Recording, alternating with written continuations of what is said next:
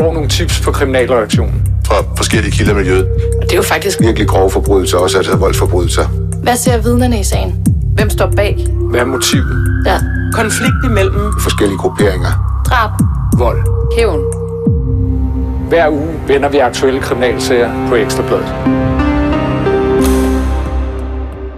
Tino handler instinktivt, da han ser en revolvermunding, der stikker ud af vinduet på bagsædet af en sort Volkswagen.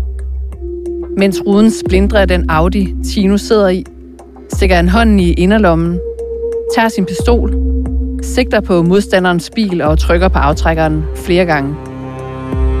Tino ser det ikke, men han rammer og dræber en 23-årig mand. En ung fyr, som han ikke kender og aldrig har mødt. Han er sendt i byen af Tinos tidligere bandebrødre, der nu er blevet hans fjender. Drabet og Brothers skal vi tale om i denne her udgave af Afhørt. Jeg hedder Christian Kornø, og Linette Jespersen er medvært, og med os har vi i dag forfatter Peter Grå, og så en lidt løjelig type. Ja, det er så Sune Fischer. Og det der med løjerlig, udover det er utrolig rammende, øh, så stammer det fra bogen Brødre, frontfortælling om storhed og fald i en gadebande, som er Tinus fortælling, og som du, Peter Gro, har skrevet. Vi kommer tilbage til det møde, øh, hvor Tino beskriver Sune som løjerlig. Men Peter, hvordan øh, kom du i kontakt med Tino første gang? Jeg kommer i kontakt med Tino i marts 2016, da jeg er på station 2, der er ansat på det tidspunkt. Øh, vi bemærker den her udvikling på rock- og bandeområdet, hvor øh, banderne får veste på. Lige pludselig opstår den her bandegruppering United Tribunes Forever, som er tidligere Black Army-folk på Fyn. Øh, Gremium kommer til, dem øh, som Tino er blevet en del af. Han var tidligere Brothers, de andre fra Gremium kan man også sige øh, betegnes som nogen, der kom fra bandemiljøet. Og øh, Brothers var blevet til Black Jackets, som også øh, bare vidste på det her tidspunkt, og det ville vi gerne lave en dokumentar om, som vi øh, kaldte øh, Udenlandske Bander i Danmark. Og øh, så kontaktede jeg Tino fra øh, Gremium. Øh, på det tidspunkt var der lige blevet skudt mod deres øh, klubhus i Haslev, og vi øh, arrangerede et første møde på en kaffebar på Frederiksberg. De kommer, jeg står klar, de kommer et par biler, springer ud af de her biler, kommer ind, bestiller kaffe. Han betaler med et stort øh, øh pengebund, han jo op fra lommen. Øh, og så spørger jeg, om han vil være med i det her program, og han er lidt skeptisk, og han vil gå hjem og spørge præsidenten. Øh, og så er han lynhurtigt væk igen med de her unge fyre, han kom med. Øh, og så noget tid efter lykkedes det at lave en optagelse, hvor vi kører ned til klubhuset i Haslev, det der er blevet skudt imod. Øh, og vi filmer, og han kommer med lidt provokationer mod de her tidligere bandebrødre øh, fra Brothers. Øh, kalder dem øh, luder og enarmede 20-knægte, som jeg husker det. Og efterfølgende får jeg lavet et møde med de tidligere brødre fra Brothers, altså dem, der på det her tidspunkt kalder sig Black Jackets. Vi mødes på Café Castro. Til, til at starte med vil de heller ikke være med, men vi får alligevel lavet en optagelse om aftenen, hvor de kommer med nogle provokationer tilbage. Øh, siger, at øh, Tinos gruppering der gemmer sig i en kælder. Øh, og så går der nogle måneder efter, vi har sendt den her dokumentar. Jeg står i USA, er på kursus derover, og så kan jeg se, at der har været det her bandeskyderi på Peter Bangs vej. Og jeg skriver til Tino, spørger, øh, om han er okay. Han svarer, I'm good. Øh, jeg spørger, hvem der er død. Øh, og den svarer han så ikke på. Og øh, der bliver han så øh, anholdt for drabet. Og det her drab på Peter Bangsvej, det er det, som vi var inde på i introen. Og efter det her første møde med Tino, bliver du så ved med at holde kontakten med ham? Nej, jeg tror, at jeg slipper øh, historien lidt. Altså, jeg vil gerne øh, lave noget mere. Øh, jeg mødes med ham her, der bliver kaldt Mo fra Black Jackets. Øh, tidligere topperson i, i Brothers igen. Øh, vi snakker om at lave noget mere, men øh, lige derefter øh, er kontakten til øh, øh, Tino øh, lidt død, vil jeg sige. Ikke? Øh, og så bliver han jo fængslet for det her drab, øh, og der kan jeg ikke have kontakt til ham. Øh, og så er det i forbindelse med sagerne, at jeg får kontakt til ham igen. Ikke? Lad os øh, komme tilbage til øh, drabet og dommen senere, og spole tilbage til, øh, hvem Tino han egentlig øh, er. Altså, øh, kan du beskrive sådan ganske kort hans øh, opvækst og ophav? Ja, så han er født i 86. Han er vokset op med en nigeriansk mor ved Søerne i København. Øhm, moren og faren, den dansk far, var sammen til at starte med, men blev hurtigt skilt. og derfor var han hos moren sammen med sine tre år øh, ældre storebror. Moren der, hun øh, var en ældre mor, kan man godt sige. Hun havde tre voksne børn på det her tidspunkt, og hun var lidt træt og kunne ikke styre de her to unger, øhm, som hurtigt begyndte at lave ballade. Tino klarede sig ikke særlig godt i skolen. Han har heller ikke kunne få meget hjælp hjemmefra. Altså, moren talte ikke dansk. Øh, han blev påvirket af sin storebror, som begyndte at begå øh, røverier i en lav alder. øh, han var ikke særlig gammel, Tino, da broren fandt en pistol frem, som lå under sengen, som de affyrede fra en altan. Og så fandt han jo sammen med venner på gaden, i stedet for øh, skolekammerater, og begyndte at lave ballade med dem på Østerbro og på Yder Nørrebro, og blev en del af øh, en vennegruppe, som hang ud omkring Torsgade, og begyndte at kalde sig TSG. Og det var ligesom sådan, at, at det startede, det her bandeliv, kan man sige. Altså, det var den første lille gruppering, han var en del af, ikke? som så senere slår sig sammen med dem, der kalder sig MP, altså Mjølnerparken. Ikke? Hvad står TSG for? To? Torsgader. Så det lyder som om, hans øh, kurs øh, faktisk fra starten har været direkte øh, hen til noget øh, uheldigt. Ja, det, det har den jo været på grund af de her folk, de her unge drenge, der fik lov til at passe sig selv på gaden i virkeligheden. Ikke? Fordi han blev jo opgivet i skolen, først den ene skole, så den anden. Han slap afsted med ikke rigtigt at komme. Øh, moren gjorde ikke så meget ved det, andet end at slå ham øh, en gang imellem, og det, øh, det lærte han jo at leve med. Altså, han blev større og større, til sidst så grinede de skulle bare af det. Altså ham og hans bror der, ikke? Fordi han var jo selv en, øh, en stor dreng. Ja, han vokser så lynhurtigt, øh, rigtig stor, og ja, er blevet en stor mand, ikke? Jeg blev også mærke i din bog, at der på et tidspunkt er en psykolog, som øh, beskriver ham som øh, halvretarderet. Ja, han bliver kaldt middelsvært retarderet af en psykolog øhm, som teenager. Og det viser meget godt, altså, hvordan han jo bliver opgivet af, af systemet. Ligesom han er blevet af skolen. På et tidspunkt er der en klasselærer, der skriver et notat, at han er uunderviselig. Så han bliver jo bare opgivet, mere eller mindre. Ikke? I fem, da han er 15 år, kommer han på en specialinstitution, der hedder Den Gule Flyver. Øhm, men der bliver det også øh, øh, bemærket, at det er alt for sent. Og han tror jo ikke, det er jo det, der er også problemet. Han, han, han får jo at vide papirerne, at han er dum. Han tror jo, at han er dum. I lang tid tror han, at han ikke kan andet end bandelivet. Det er først efter drabet, da han er kommet i fængsel og prøver at tage uddannelse, at han finder ud af, at det kan han rent faktisk godt. Og han har jo også klaret sig enormt godt i bander, og lavet penge i bander, og været en forretningsmand der. Øh, så han har jo et talent, som bare er blevet spildt. Nu snakker vi en del om, om bander, og der kan man jo ikke komme uden om den her Bande Brothers øh, og Sune. Du mødte jo både Tino og folk fra Banden Brothers allerede inden de fik et navn. Det er korrekt. Øh, jeg vil lige læse lidt op fra, fra bogen, en beskrivelse af dig, og det er, han var en lidt løjelig type, der kom cyklerne på en gammel cykel og talte med en mærkelig dialekt. Halvt smilende, så man ikke helt fornemmede, om han tog pis på en.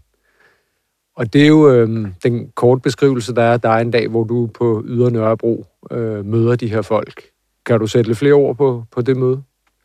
Ja, hvis jeg lige må spole tiden lidt frem, eller lidt tilbage i forhold til det, det er jo fordi, at øh, på det her tidspunkt har jeg også har jeg været ansat på Ekstrabladet i halvandet år, omkring halvandet år, og er selv forholdsvis grøn i forhold til det med kriminaljournalistikken. Og øh, her er vi jo så småt rullet i gang med den konflikt, som siden bliver døbt for bandekrigen, hvor Hells Angels øh, og en række forskellige indvandrergrupperinger, der de har kastet sig ud i en blodig krig, hvor de tæver løs på hinanden, og, og til dels også øh, skyder efter hinanden, og der er også øh, folk, der dør. Og der er vi jo på Ekstrabladets kriminalredaktion jo interesseret i at finde ud af, hvad det er, der egentlig sker.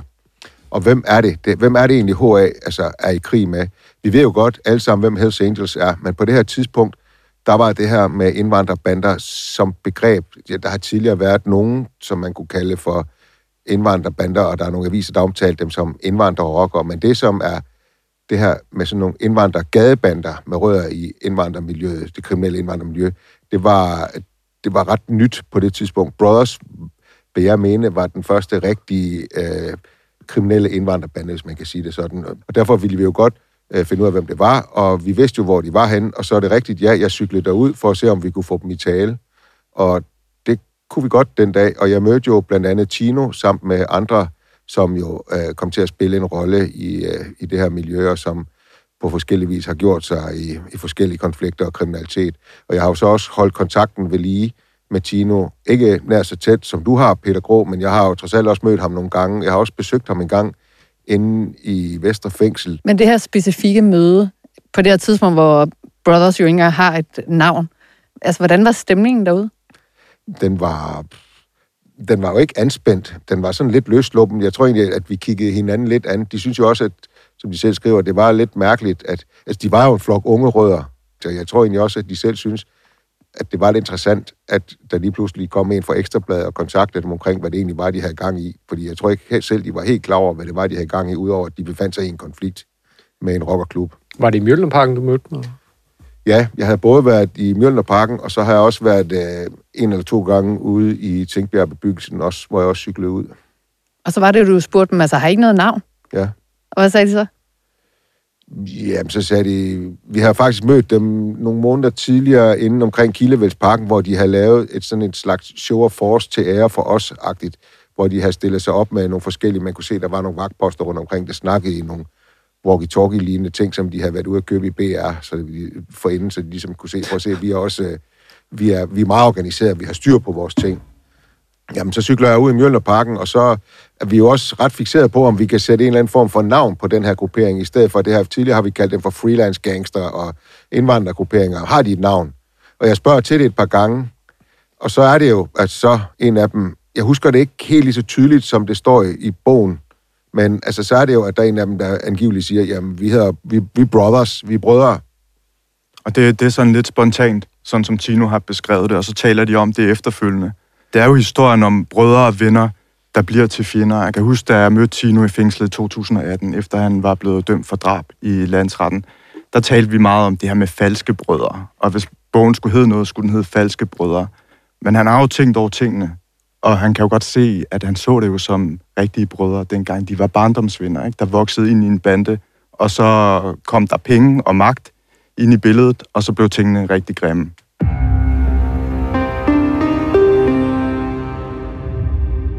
Peter, kan du beskrive Tinos rolle i den her bande? Ja, så de er jo ligesom en, en gruppe, jeg vil kalde for barndomsvenner, ikke? Og det vil jeg jo kalde for nogle ledende medlemmer. Og det var svært for nye folk at komme ind og opnå samme status. Så de lavede det her, der hed Soldier, som var for de helt unge. Ikke? Og der var jo også andre, der blev Brothers. Men de her folk, som var barndomsvinderne fra området, dem, der hang ud i Torsgade og Mjølnerparken, de havde sådan en særstatus. Senere efterhånden, som der begynder at opstå lidt konflikt i gruppen, så kommer der noget, de omtaler som fraktioner. Øh, der er en araberfraktion, der er en kurderfraktion. Og Tino var lidt mere for sig selv, hvor forskellige mennesker øh, var en del af det på forskellige tidspunkter, alt efter hvem der var inde og ude. Ikke? Men han var god til at lave penge? Ja, han var, han, var, han var god til at lave penge, altså, men også, også god til at være voldelig, sådan set, fordi han havde jo størrelsen med sig. Ikke? Så han var god til, til flere af de ting, som man sætter pris på i bandemiljøet. Og hvordan lavede han penge? Altså, tit har de jo et speciale sådan. Han, han, han har jo lært en del af sin storebror, som han var i Luxembourg, Luxembourg med på et tidspunkt. Og da han kommer hjem derfra, så starter det med noget kopi jointpapir, så bliver det til kopi smøger. Øh, senere bliver det, er der også noget has øh, involveret. Han har en hasklub på et tidspunkt. Øh, men det, han også rigtig gerne vil, det er det her med at sætte folk sammen, være sådan en slags mellemled, der næsten ikke har berøring med tingene, men som scorer et cut, gerne fra begge parter, ikke? I en handel. Han har store drømme. Ja, det, og det har han jo øh, fra han er barn af. Øh, så der er, jo, der er jo faktisk en af de her ældre børn, som hans mor har, der øh, klarer sig rigtig godt lovligt øh, og arbejder i finansverdenen. Og han har store biler, dyre uger, og ham er de jo inspireret, inspireret af. Ikke? Og han siger jo til skolelærer i en ung alder, at han vil have store lejligheder, stor bil, øh, holdingselskab og så videre. Ikke? Og de synes jo bare, at det er fuldstændig urealistisk. Men han synes jo selv, at han beviser det lidt i bandeverdenen, at han kan det der. Mm. Han vil gerne være bolighej. Er det ikke sådan, han siger Jo, det? jo. Ja. Også det. Men du beskriver det her med, at det starter jo faktisk meget smukt med, øh, hvad kan man kalde det, altså barndomsvenner, som øh, får et fællesskab. Ja, men hvor der sker grimme ting, ikke? Så det, sker- det er måske en, en de, ja, det kan lyde lidt romantisk, Mm. øh, men de laver jo grimme ting nede i Torsgade, ikke? De får slukket for gadelyset, røver folk. Mm. Øh, der bliver lavet bankrøverier. Øh, Og røverier, supermarkedsrøverier. supermarked også. Ja, det gør han selv, ja. Han Men gør, der er i hvert fald et sammenhold i, øh, i starten, hvor de ligesom øh, hænger sammen. Men så er det jo, som du siger, at det bliver mere fragmenteret, og der er den her udvikling, hvor de jo så faktisk øh, går imod hinanden. Hvordan beskriver Tino den udvikling? Jamen, det opstår jo lidt med de personlige interesser, som øh, kommer i spil, når nye folk bliver taget ind, når nogen pludselig ryger ud, når konflikter starter, men også pludselig bliver lukket, øh, hvor måske ikke er, øh, måske er det ikke alle, der er interesseret i, at øh, de skal lukkes. Øh, men der er nogle ledende medlemmer, der pludselig tager handling i forhold til det, ikke? og der har Tino i nogle tilfælde øh, været uenig i det, ikke? eller har ikke følt sig hørt. Øh, men det, det er grund til, at han øh, ligesom på et tidspunkt øh, har lyst til at, at forlade banden. Det er jo fordi, at øh, de ikke er rigtige venner mere. Det, det føles ikke som et broderskab mere, og, og, og, og det er ustruktureret, og de her ting, de havde aftalt fra starten af, bliver, bliver ikke overholdt. Øh, jeg har også fulgt det her miljø, og jeg læste jo også bogen med stor interesse, og det, der er interessant, fordi det, der egentlig starter med at knytte dem sammen, det er jo øh, kriminalitet og fodboldsvindel først i lille stil. Det, det er jo den magt og de penge, som der følger med kriminaliteten, som jo i sidste ende er med til at skabe de her spalter i, øh, i, deres, i deres stærke broderskab, som ender med at kaste dem, hvor de går fra at være tæt sammen, til de lige pludselig står og peger med pistoler mod hinanden. Mhm. Det er jo øh, penge, Ja. Men jeg tror også i starten, der har de følt, at der var et lidt højere formål med det, netop på grund af den her konflikt, du fortalte om tidligere med Hells Angels, som begyndte at tale om indvandrerne som chakaler.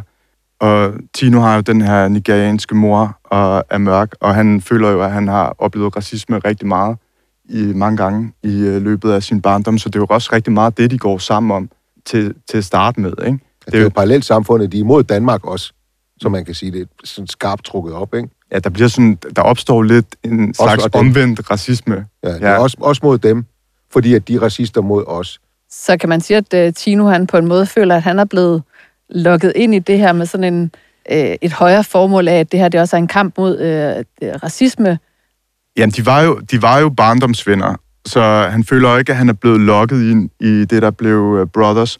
Man kan måske godt tale lidt om, at de blev lokket ind i den her konflikt mod Hells Angels af dem fra øh, Blågårds Plads, som piskede en stemning op, fordi de havde deres egne interesser i den her konflikt, og fik en masse unge med ud.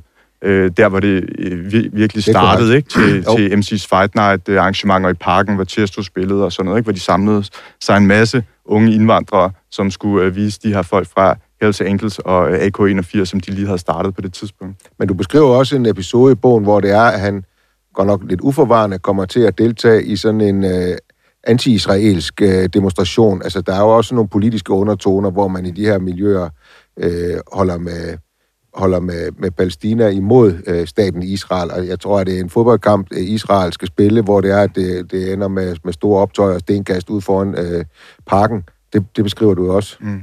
Ja, og bombetrusler, der, der, der deltager han jo i det her, fordi det, det, der føler han jo, at det er den side, han kan relatere til. Altså, det er jo som de brune mod de hvide.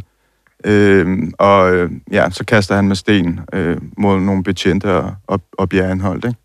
Vi kan i hvert fald konstatere, at han har været yderst øh, voldsparat igennem hele den her øh, tid, mens han er i, i banden. Ja, han har været voldsparat. Det, det har de alle sammen. Ja. Ja. Men altså, du, du, du beskriver det jo også meget, meget skarpt altså på et tidspunkt, fordi altså, vi er jo øh, vant til at tænke på dem som sådan nogle rimelig indimensionelle typer, og mange af dem har klaret sig dårligt i skolen. Nogle af dem er måske øh, funktionelle analfabeter, kan ikke læse og skrive, men de er jo ret gadesmarte, fordi de kan jo godt få de kan godt finde ud af at, at få kriminalitet op at køre og udtænke scams, hvordan at de kan snyde økonomisk, og hvad de gør i forhold til med sådan noget svindler med biler, og hvordan at de besnakker unge mennesker til at arbejde for sig og være sociale. Altså, de, de har jo høj, høj social kapital og sociale skills har de, og de er jo også tit, at de er jo ekstremt øh, kløgtige til at få alle mulige øh, fiduser til at fungere, ikke? Ja. Jamen, vi, vi har jo nok begge to oplevet i miljøet, at de her ledende personer, øh, specielt, de, det er jo ikke dumme folk jo. De er jo smarte. Ja, på deres egen måde. Ja. Og øh, og det er jo sådan et strategispil. Meget, altså, meget, meget. de har gang i. Det er, det er som et spil, øh, mere end det er bruderskaber i dag. Ikke? Og det kan man jo også se på, hvordan de i dag skifter klub på kryds og tværs. I den her periode, hvor at, uh, Tino han pludselig finder ud af, at uh, man ikke ved, hvem der er ens venner, og hvem der er ens fjender, hvordan beskriver han, hvordan han ligesom har det indeni i den her periode? Altså han melder sig jo efter en konflikt med en valgbygruppering, der hedder La Raza, øh, melder han sig ud af Brothers, men de er jo barndomsvenner, så han ses jo stadigvæk med nogle af dem. Og der er han med ude, uden at han ved, hvad de skal, ved en kirkegård øh, i Gladsaxe, øh, hvor der bliver hentet en øh, taske frem inden for kirkegården, som er våben, der har været gravet ned. Og de her våben skal bruges i forbindelse med et øh, fredsmøde med banditter, som øh, Brothers var i konflikt med på det tidspunkt. Og kirkegård, det er et uh, velkendt sted at gemme våben. Det er i hvert fald et godt sted, øh, fordi at øh, jorden er god, og der er ikke øh, mennesker, øh, når solen er gået ned. Ikke? Øh, ja, så det er et sted, der kan bruges til at øh, gemme våben, for eksempel. Ikke? Men så kommer politiet, og så bliver han jo anholdt øh, sammen med de andre der, ikke? Og, og ryger i fængsel. Øhm, og øh, så er det derinde, at de andre vil have ham til at hoppe på øh, nogen fra en anden gruppering, som de er blevet uvenner med. Og det vil han så ikke, fordi han synes ikke, han er med i den her gruppering mere. Øh, og han ved, at øh, kort tid efter vil de sandsynligvis lave fred med dem alligevel. Og så er det bare ham, der står med problemerne, fordi han er hoppet på en eller anden og står uden for, for gruppen på det tidspunkt. På, Og her er vi på- omkring slutningen af på, på, 2012. Ah, vi er lidt senere fremme, så det er mere øh, 13. Øh, ja, det er mere 2013, det her. Jeg kommer lige med en lille kliché. Mm. Øh, Peter, er det det, man kan kalde et mudret billede? Ja, ja, øh, skal jeg lade være med at rode mig ud i det? Nej, nej, vi uh, kan godt lide mudrede billeder her på baghørt. Jo, jo, det er jo det, man skal holde tungen lige i munden jo, for at forstå hele det her miljø og alle de skift, der sker undervejs. Ikke? Så Tino, han er med ud på den her kirkegård for at hente nogle våben sammen med sine tidligere bandebrødre fra Brothers, som han har forladt. Mm. Og hvad er Og- det så, der sker? Og, og, og politiet kommer, og han bliver fængslet, og de her tidligere brødre vil ind i fængslet have ham til at hoppe på en, en person, de er blevet uvenner med fra en anden gruppering. Og det vil han ikke, fordi at han ved, at de laver bare fred med den anden gruppering kort tid efter, og så er det ham, der står alene, som har et problem med en hel gruppering. Og det ser vi jo rent faktisk i den her retssag, der kommer, fordi at jeg er jo til stede derude, og hvad sker der derude? De kommer op og slås ind i retssalen. Mm. Og det er jo fordi, at når Tino ikke vil gøre det her for dem, så er det pludselig ham, der øh, risikerer tæv, ikke? Og skal have tæsk. Og så hopper de på hinanden ind i, øh, ind i retssalen, som øh, Sune overværede der, ikke? Og, og der starter uvenskabet jo for alvor. Da han så han får den, øh, en dom for, for de her våben her, sammen med de andre, og da han kommer ud fra den, så involverer han sig øh, sammen med hans bror specielt i et projekt, hvor der skal skaffes nogle penge, der skal bruges til en kriminel øh, handel. Og det er 500.000 euro, der bliver samlet sammen, hvor det er Tinos bror, øh, der står inden for det, og dermed også øh, Tino på en måde. Ikke? Og så det, der sker, det er, at de her penge bliver afleveret til en somalier, og han forsvinder så med pengene. Og pludselig er der grupperinger, som har investeret i det her projekt, som Altså går det- efter det... Tinos bror og, og Tino. Øh, og, og der starter det for alvor og bliver grimt. Og så er det efter det, han går sammen med Gremium, ikke? som man har en fælles interesse med, på grund af et gammelt drab, der er sket. Og det vil sige, det er altså over 3,5 millioner kroner, som de altså pludselig har ude at hænge her. Ja, og det, det, det tror jeg også bare, man skal forstå, at der er rigtig mange penge øh, i det her miljø. Øh, når politiet taler om kamp om territorier og sådan noget, så er det måske i dag rigtig tit øh, kamp om pengebeløb, det handler om. Og i dag ser man jo også rigtig meget, at folk fra grupperinger svindler hinanden, de laver rulleforretninger, og så øh, er der nogle regnskaber, der skal gøres op efterfølgende på den ene eller den anden måde. Så Tino han kommer i den her sådan, gældsspiral, fordi at, øh, at der er en, der stikker af med de her penge. Og er det så derfor, han går ind i gremium, fordi han skal have en form for beskyttelse, eller? Ja, jeg vil ikke kalde det beskyttelse. Det vil han i hvert fald øh, være irriteret over, at øh, jeg sagde, det var det, det drejede sig om. Øhm, men han, han, han finder sammen med, med den her gruppering, fordi de har en præsident, hvis lillebror på et tidspunkt er blevet dræbt af Brothers. Dengang Tino var medlem, men han sad i fængsel. Så pludselig har de de samme fjender. Øh, og derfor øh, går Tino med i Gremium, kan man sige. Det var ikke en specielt stor gruppering. Man troede nok, at de var større, end de i virkeligheden var. Men det gjorde også, at det var øh, lidt svært at finde dem og ramme dem. Øh, hvor, hvor de måske havde lidt nemmere ved at køre rundt på Nørrebro og øh, finde en, der havde en eller anden forbindelse til Brothers, og så overfalde vedkommende. Ikke? Men det er her, hvor der er en masse øh, skudepisoder. Det er her, hvor ham, den mand, der sidder og ser tv, bliver, bliver ramt. Det er her, der bliver skudt mod klubhuset. Og der er alle de her provokationer, som, hvor medierne også bliver brugt lidt. Ikke? Hvor, hvor vi blev brugt lidt på station 2, og hvor, hvor Ekstrabladet også lidt blev brugt, da, da Tino han øh, kontakter dig, Sune, og, og siger, at de er dårlige til at skyde, ikke? Og, og der kommer en artikel ud af det. Og hvad er det for et liv, som Tino han så har på det her tidspunkt, hvor han jo så er i det her... Her der er han jo max stresset jo, på det her tidspunkt i sit liv. Øh, så øh, han sikrer jo øh, døren i sin lejlighed øh, med nogle beslag, så han kan slå en eller anden skinne ned. Ikke? Noget, som han har set øh, Gremium-præsidenten gøre også. Han parkerer forskellige steder, han løber hjem, øh, han bliver gråhåret og ja, øhm, tager også mange kilo på, fordi alting skal gå hurtigt, og når alt skal gå hurtigt, så skal maden også gå hurtigt, og så er det bare fast food, den står på. Ikke? Et rigtig klassisk øh, lorteliv, faktisk. Ja, det kan man godt sige. Han kan have svært ved at sove og sådan nogle ting. De bruger jo så rent faktisk også fastfooden som en provokation i forhold til hans tidligere venner. Han går ud og spiser kebab på, i området omkring Mølner Bakken og tager billeder af sig selv og ligger på sociale medier, hvor han spiser shawarma øh, på en shawarma-bar øh, lige rundt om hjørnet fra Mølner Parken. Mm. Det er jo også som, man, man ser dem jo også bruge sociale medier sådan i dag, ikke? når de ligger og kører rundt i hinandens kvarterer og smider det op på Instagram. Der er jo mange, meget af den udvikling, vi har set de seneste år, og de ting, som vi ser i dag også, synes jeg bliver beskrevet sådan for første gang i bogen. Så er vi jo nået frem til drabet, som Tino jo, som du har sagt, ender med at blive dømt for. Kan du prøve at beskrive, hvad det er, der sker? Det, der sker den her dag, det er, at uh, Tino og nogle andre fra Gremium, de har haft et møde med LTF på et sted, der hedder Kaffesalongen. Og de skal så videre i byen, men skal hjem forbi Tino på Peter Banks vej for at hente nogle penge, som han har liggende i en pusletaske. Og, og LTF på det her tidspunkt, er det forholdsvis nystartet, eller? De er fra omkring 2013, ikke? så de, de har jo nogle år på banen. Øh, men det er, jo, det er jo før, de kommer i deres store konflikt med, med Brothers. Så det er ikke fordi, at LTF har et problem med hele Brothers på det her tidspunkt her, men man taler jo sammen i miljøet på kryds og tværs. Og de er så hjemme på Peter Banks vej, øh, Gremium der, øh, Tino og hans venner. Øh, han låser sig ind i lejligheden, lyser med en lommelygte for ikke at vække sin kæreste og sit barn, henter de her penge her, og så får han den her dårlige følelse på vej ned. Også fordi de er, de er blevet advaret om øh, en, en, en mørk bil, der er blevet set i nærheden af, hvor en af de andre medlemmer bor. Og han er også blevet stoppet af politiet ganske øh, få dage forinden i virkeligheden, hvor de har sagt til ham, at han er i livsfare. Og det var de bare nødt til at orientere ham om. De har simpelthen på en eller anden måde opsnappet, enten via aflytning eller kildeoplysning. Ja. ja. Og så er de jo forpligtet til at oplyse folk om, at, at de har konkrete trusler mod deres liv. Ja, og han, han ved det jo godt på forhånd, fordi der er skyderier på det her tidspunkt. Øh, men det er alligevel lige en påmindelse, ikke? Og han kommer til at tænke på de her ting op i lejligheden, og så tager han en pistol med ned.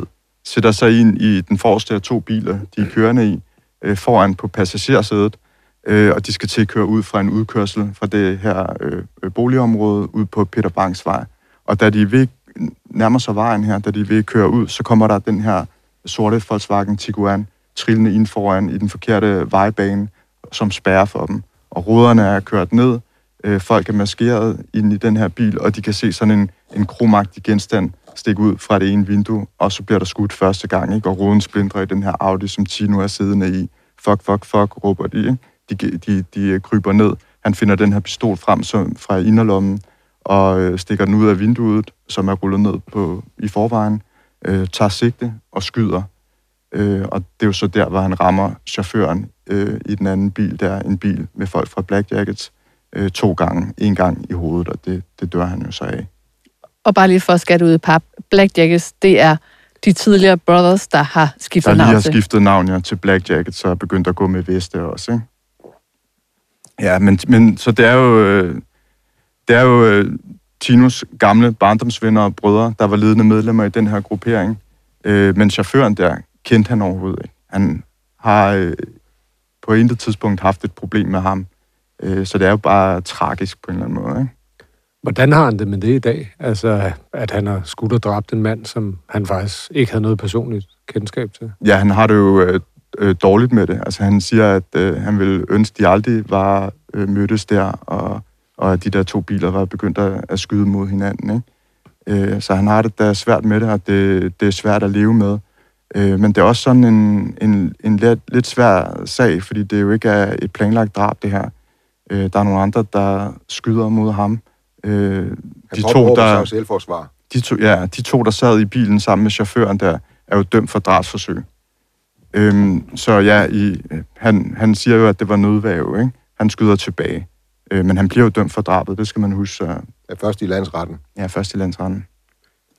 Og han ender så med at få... Men han har det svært med, oh, undskyld, mm, ja. han har det svært med, med det her drab, og vi har også forsøgt at beskrive de her ting i bogen på en respektfuld måde.